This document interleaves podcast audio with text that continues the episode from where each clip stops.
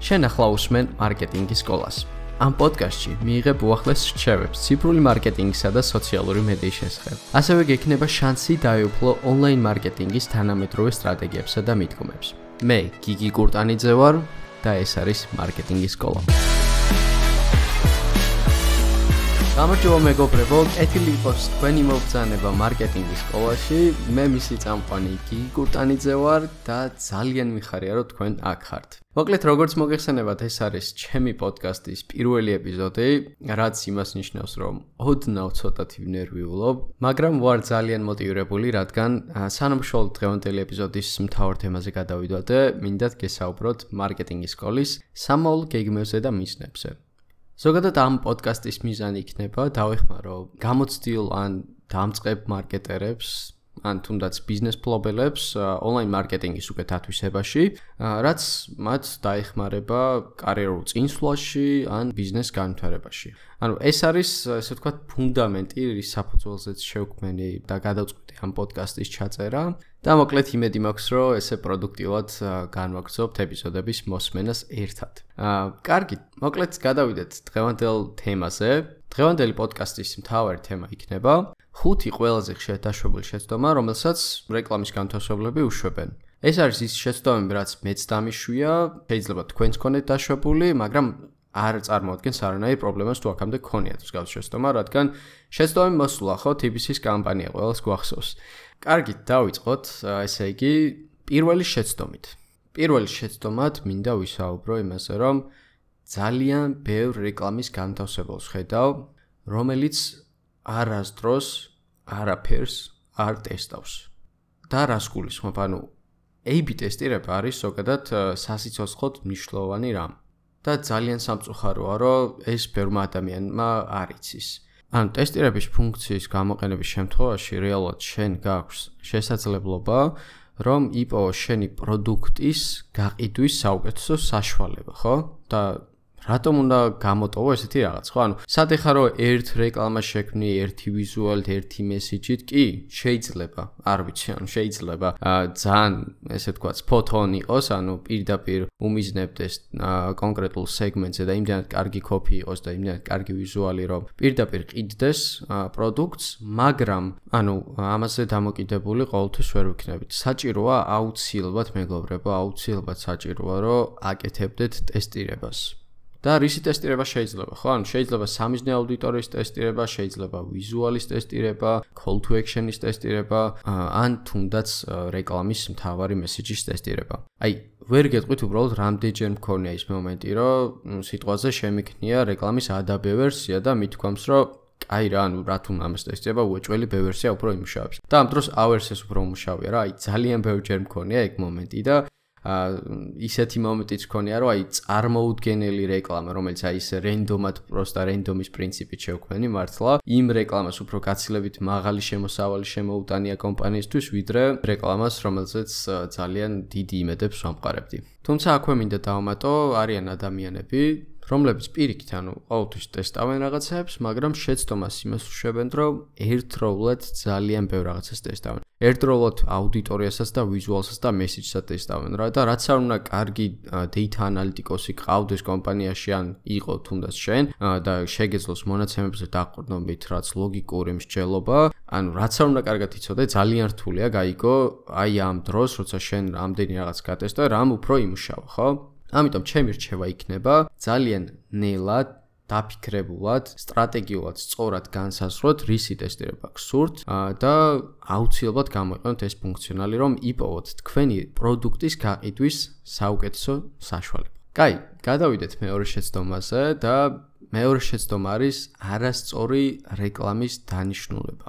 ანუ ჩვენ კარგად უნდა გვესმოდეს, რომ პირველი ნაბიჯი ნებისმიერი წარმატებული კამპანიის მისაღწევად ეს ყველაფერი ან პირდაპირ კავშირშია იმასთან თუ რამდენად გვაქვს ჩვენ განსაზღვრული სწორი თვლადი დანიშნულებები იქნება თუ კონკრეტული მიზნები არ აქვს მნიშვნელობა. ანუ ჩვენ აუცილებლად უნდა ვიცოდეთ პირველ რიგში ჩვენი მიზანი კამპანიის რა არის და შემდგომ ამის მიხედვით უნდა გადავწყვიტოთ რა კონკრეტულ დანიშნულებაზე უნდა გავუშვათ იმიტომ რომ თუ ჩვენ არ გვეცოდინება რა არის ჩვენი რეკლამის მიზანი რანაირად უნდა განსაზღვროს სწორი დანიშნულება, ხო? ანუ შეუძლებელია. და აქვე შეიძლება, ანუ გაგიჩნდეთ კითხვა, როგორ უნდა განსაზღვროთ ბიზნესის დანიშნულებები და მიზნები. ნუ პირველ რიგში აუცილებელია რომ შევქმნათ სამოქმედო გეგმა.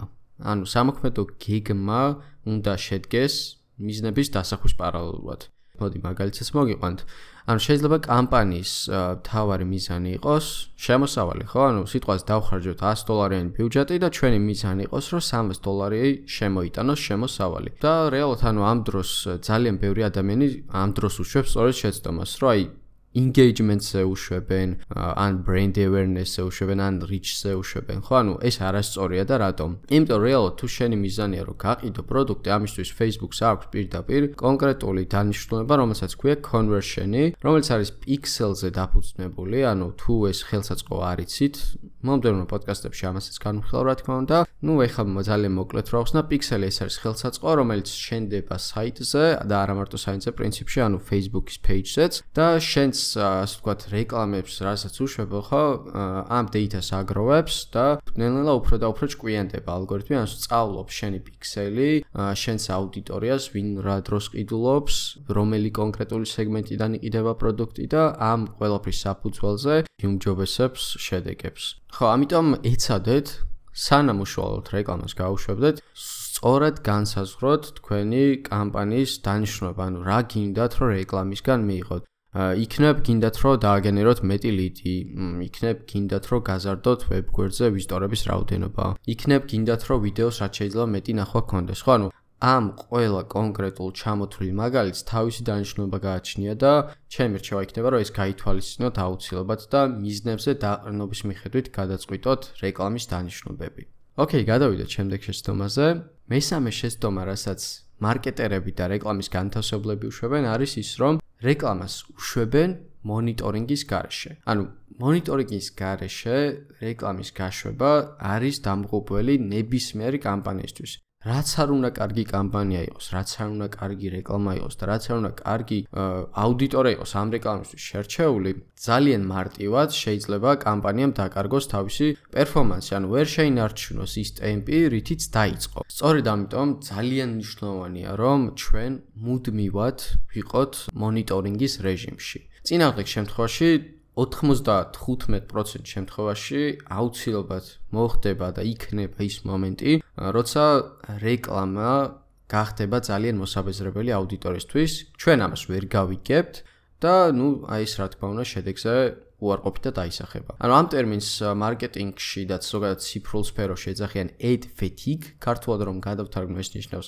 რეკლამისაგან დაღლილობა და ეს იმ შემთხვევაში ხდება, როდესაც თქვენი სამიზნე აუდიტორიისთვის გააქვთ რეკლამა შერჩეული, რომელიც უკვე იმდენჯერ ნახა ამ სამიზნე აუდიტორიამ, ანუ frequency rate-ი, ანუ სიხშირე იმდენად მაღალია, რომ უკვე აღარ რეაგირებს ხალხი და აღარ არიან რეაქტიული ამ კონკრეტული რეკლამის მიმართ, იმიტომ რომ აი მაგალითად მე ძალიან ბევრჯერ ქონია მომენტი, რომ პირველად როცა რეკლამა ვნახე რაღაც კონკრეტული კომპანიის, ძალიან მომწონებია და ვაუ, რა მაგარი რეკლამა და გადავსუარ landing page-ზე, საიტზე მათთან და შემიძლია ჩვენია კიდეც პროდუქტი. მაგრამ შედგომ ყოფილა მომენტი, რომ ზუსტად იგივე კომპანიისგან ზუსტად იგივე რეკლამა მინახავს თვეების მანძილზე, გამეორებულად და გამეორებულად და ბოლოს ისეთი აგრესია გამჩენია ამ კომპანიის და რეკლამის მიმართ, რომ დამირეპორტებია კიდეც რა, მართლა სერიოზულად ვიძახი. ამიტომ მსგავსი ტიპის რაღაცებისგან თავი რა ავარიდოთ, აუცილებელია რომ კამპანიას მუდმივად ვაკონტროლებდეთ. უნდა ვამოწმებდეთ მინიმუმ აი ამ კონკრეტულ მეტრიკებს, რაც ის ხა ჩამოთვლი. პირველი, რაც წეგან ვახსენ, ეს არის სიხშირე, ანუ frequency. ზოგადად ჩემი რჩევა იქნება, თუ სიხშირე არის 3-ზე მაღალი, ანუ თუ მინიმუმ საშუალოდ ერთმა კონკრეტულმა აუდიტორიამ თქვენი რეკლამა საშუალოდ 3-ჯერ ნახა, იცადეთ რომ შეეშვათ ან ამ აუდიტორიას, ან სრულიად სხვა მესიჯით გახვიდეთ, ან სრულიად სხვა ვიზუალით, იმიტომ რომ ჩათვალეთ, რომ იმ აუდიტორიამ თავისი რესურსი ამოწყურა. ამის გარდა კიდევ ერთი მნიშვნელოვანი მეტრიკა, რასაც უნდა უყურებდეთ, ეს არის ну, ქართულად რო ვთქვათ, დაწკაპუნების კოეფიციენტი, ანუ CTR-ი. click through rate ინგლისურად. ეს მაჩვენებელი და ეს მეტრიკა მიუთებს იმისკენ, რამდენი პროცენტი ადამიანი რეაგირებს თქვენს რეკლამაზე, აჭერს შემდგომ ამ ვიზუალს და გადადის თქვენს იქნება ეს web გვერდზე თუ message სექციაში. და ძალიან მნიშვნელოვანი მეტრიკაა ეს, ანუ რაც უფრო დაბალია პროცენტი, ანუ რა ცუდია რეალურად და ნუ არის ხოლმე და უეჭველი იქნება მომენტი, როცა რეკლამა იმდენად მოსაბეზრებელი გახდება, რომ CTR-ის პროცენტი დავარდება. ამის გამოსავალიც იგივეა, ანუ ან ვიზუალ შევცვალოთ, ან კონკრეტული მესიჯი.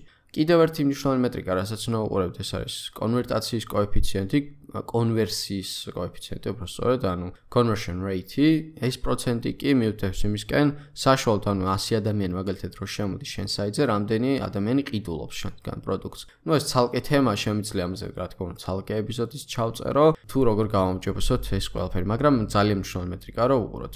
კიდევ ერთი მნიშვნელოვანი მეტრიკა, რასაც აუცილებლად უნდა უყურებთ, ეს არის CPM-ი, ანუ რა ჯდება 1000 ჩვენება. მოკლედ რომ ახსნა, CPM-ი როგორ განისაზღვრება, ეს არის დამოკიდებული იმაზე, თუ რა კონკრეტულ აუდიტორიაზე გაქვთ გაშვებული, თუ რამდენად კონკურენტუნარიანია ეს აუდიტორია, იმიტომ რომ შეიძლება იმ კონკრეტულ სეგმენტზე და აუდიტორიაზე, სადაც თქვენ უშვებთ, თქვენს გარდა იყოს 1000 კიდევ სხვა კომპანია, რომელიც თავის რეკლამებს უშვებდეს, ხო? და ამიტომ თქვენ პირდაპირ კონკურენციაში შედიხართ მასთან და შესაბამისად ეს გიწვირებთ CPM-ს.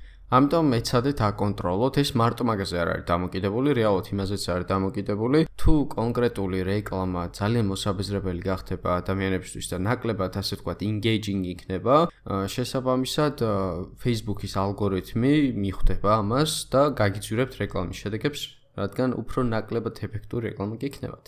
ამიტომ ჩემი რჩევა იქნება, ну, აკონტროლოთ ეს მაჩვენებლები აუცილებლად, რომ განსაზღვროთ თქვენი რეკლამის ეფექტურობა. და ამის მიხედვით მე როგორ მიხვდეთ, რა დროს არის საჭირო, რომ რეკლამაში რაც კონკრეტული ცვლილებები შეიტანოთ. მეოთხე შეცდომა, რასაც მარკეტერები ასევე შეადუშვებენ, ეს არის ნაკლებად ეფექტური ღირებულების შეთავაზება ან საერთოდ არ შეთავაზება და რას ნიშნავს ეს? ან როდესაც საქმე გვაქვს მარკეტინგთან, ხო? ჩვენ უნდა გქონდეს კარგად განსაზღვრული ჩვენი ღირებულებები, ანუ რას ვთავაზოთ ჩვენს მომხმარებელს. რა არის ჩვენი პროდუქტის ან სერვისის მთავარი ღირებულებები? რა პრობლემის გადაჭრა შეუძლიათ ამ პროდუქტს ან სერვისს, ხო? ანუ მსგავსი ბენეფიტები თუ თქვენ წინა პლანზე არ წამოწიეთ და თქვენ სამიზნე აუდიტორიას არ გააგებინეთ, რა თქმა უნდა, გაგიჭირდებათ პროდუქტის გაყიდვა. ამიტომ ეცადეთ აღწეროთ უნიკალური უპირატესობები ან შედეგები, რომლებსაც მომხმარებელი მიიღებს, თუ მაგალითად თქვენ ვებგვერდზე გადავა, ან გამოიყენეთ რაღაც კონკრეტული შესაბამისი სურათები, სიტყვაზე კმაყოფილი მომხმარებელი, რომელიც თქვენ პროდუქტს იყენებს. უფრო ზუსტად რომ აგიხსნათ რას გულისხმობ ეფექტური ღირებულების შეთავაზებაში, ამისთვის მოდ დავეხმარ ერთ მაგალითს, monday.com არის ესეთი software-ი, რომლის საშუალებითაც შეგიძლიათ დაამენეჯმენტო შენი თიმი და შესაბამისად მათ აქვს ძალიან კარგი რეკლამები, არის ზუსტად აი ის არის რის თქმასაც ვთილობ, რეალურად მათ რეკლამაში ჩადებული. ისინი თავაზობენ მაყურებელს თუ რა კონკრეტული პრობლემის გადაჭრა შეუძლია მათ კონკრეტულ სერვისს. და თან ძალიან სერიოზულ პრობლემებზე საუბრობენ, რომელიც მათ რეკლამაში ძალიან თვალნათლივ ჩანს. შეგიძლიათ შეამოწმოთ, გადახედოთ მათ რეკლამებს და მიხვდებით, ანუ რეალურად რას გულისხმობ, რომ როგორ მარტივად აჩვენებენ ადამიანებს, რომ არსებობს ეს კონკრეტული პრობლემა, რომლის გადაჭრაც შეუძლია monday.com-ს. ხო, აქვე მინდა დავამატო, ამ პოდკასტის ტექსტ ვერსიაც იარსებებს, ანუ შეგიძლიათ შეხვიდეთ gk-marketing.gz-ზე და წაიკითხოთ იქ და რეალურად ანუ იქ იქნება Monday-ის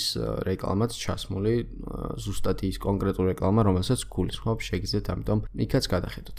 და ბოლო და მეხუთე შეცდომა, რასაც მარკეტერები უშვებენ, ეს არის კონტენტის არ არსებობა. ანუ რეალურად ძალიან ბევრი ქართული გვერდი მინახავს, რომელსაც აქვს იდეალური პროდუქტი, თუმცა მათი პრობლემა ყოველთვის ყოფილა, რომ არასდროს არ ქონიათ იდეალური კონტენტი. ანუ მარტო საუბრობენ გაყიდვაზე, იყიდე ჩემგან, იყიდე ფასდაკლებით და ასე შემდეგ. ანუ ეს არის მათი მთლიანი ჩარჩო, ასე ვთქვათ, კონტენტის. კი, რა თქმა უნდა, Facebook-ის პლატფორმა და Facebook-ის პლატფორმაზე რეკლამის განთავსება უპირველეს ყოვლისა მეტი გაყიდვების საშუალება, მაგრამ ნუ არავის არ მოწონს ბრენდი, რომელიც მუდმივად მხოლოდ უბიძგებს მისი პროდუქტის ყიდვისაკენ. მხოლოდ იმიტომ, რომ თქვენ რეკლამაში ფულს იხდით, ეს იმას არ ნიშნავს, რომ აუცილებლად მხოლოდ გაყიდვებზე უნდა იყოს ორიენტირებული რაღაც კონკრეტული რეკლამა, ხო?